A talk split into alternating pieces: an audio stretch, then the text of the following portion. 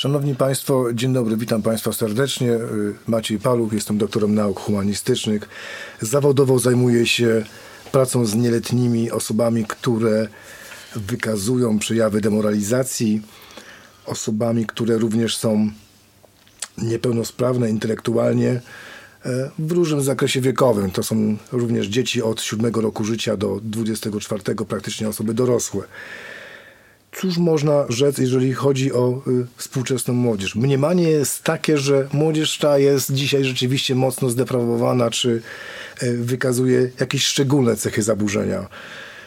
Gdybyśmy, drodzy Państwo, sięgnęli do historii wychowania, to takoweż stwierdzenia były, również istniały tam mówiące o tym, że y, młodzież zachowuje się niepoprawnie, niewłaściwie, siada z założonymi rękoma i założonymi nogami przed swoimi wykładowcami, czy e, też y, osobami, które e, prowadzą zajęcia.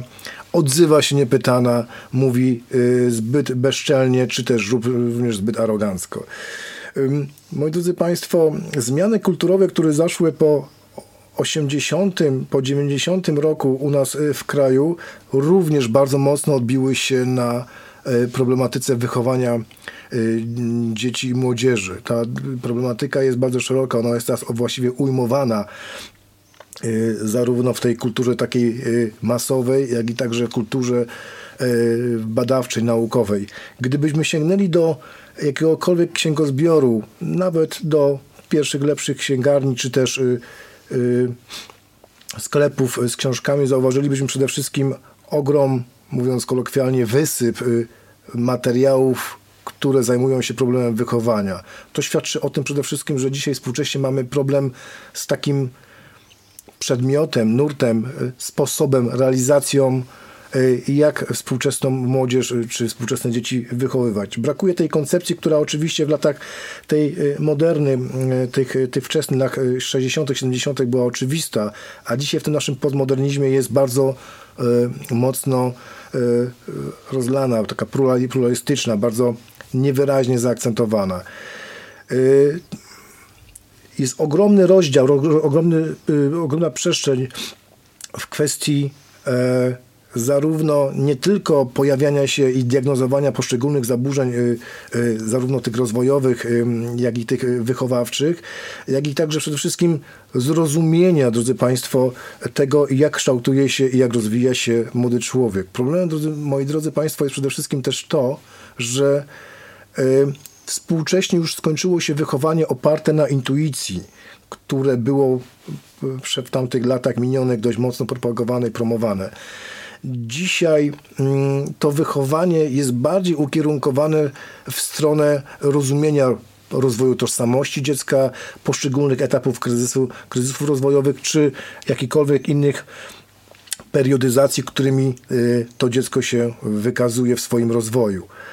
E, jest to bardzo istotne, dlatego że znajomość ze strony rodzica, jeżeli chodzi o poszczególne etapy rozwoju swojego dziecka, potrafi uchronić przed wieloma nieprawidłowościami, które się będą dziać w późniejszym okresie jego e, rozwoju.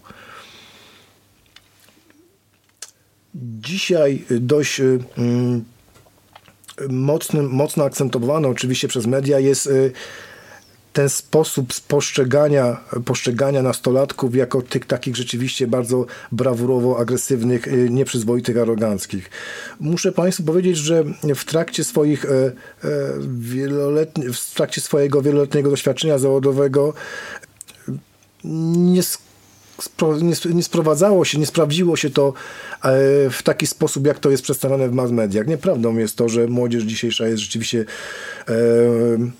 dość mocno agresywna, dość mocno buntownicza y, w przeciwieństwie do swoich e, e, mm, poprzedników w latach e, ubiegłych. Bardziej jest to kwestia kreowania pewnego wizerunku, która jest na potrzeby mass mediów tworzona.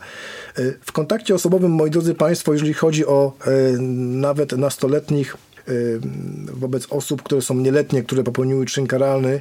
Mm, w kontakcie osobowym oczywiście na początku ten kontakt jest bardzo mocno ograniczony i przede wszystkim bardzo mocno y, krytyczny. Natomiast y, późniejszej diagnozie, w późniejszej, w później- w późniejszej rozmowie okazuje się jednak rzeczywiście, że pojawiają się wyłuska, wyłuskane są tam problemy związane z poczuciem własnej tożsamości, z poczuciem własnej wartości, obrazu samego siebie i tak dalej, i tak dalej. Co często widać na przykładzie młodocianych czy nieletnich y, pseudokibiców, czy też uczestników y, tychże grup y, czy subkultur społecznych. Uważam, że powinny znaj- zajść dość duże zmiany w kierunku kultury wychowania, y, rozumienia procesu wychowania ze strony rodziców i przede wszystkim lub opiekunów prawnych, bo nie, nie zawsze jest ten rodzic tutaj tą osobą, która wychowuje. I przede wszystkim świadomości, jak ogromnie, jak bardzo ważne jest to, w tych pierwszych okresach rozwojowych dziecka ten sposób przekazywania zachowania, kiedy ta, ten niewerbalizm w tych e, 60-80% jest tutaj mocnym wyznacznikiem tego, jak dziecko później będzie się kształtowało i postrzegało tą rzeczywistość i to, to otoczenie środowiskowe.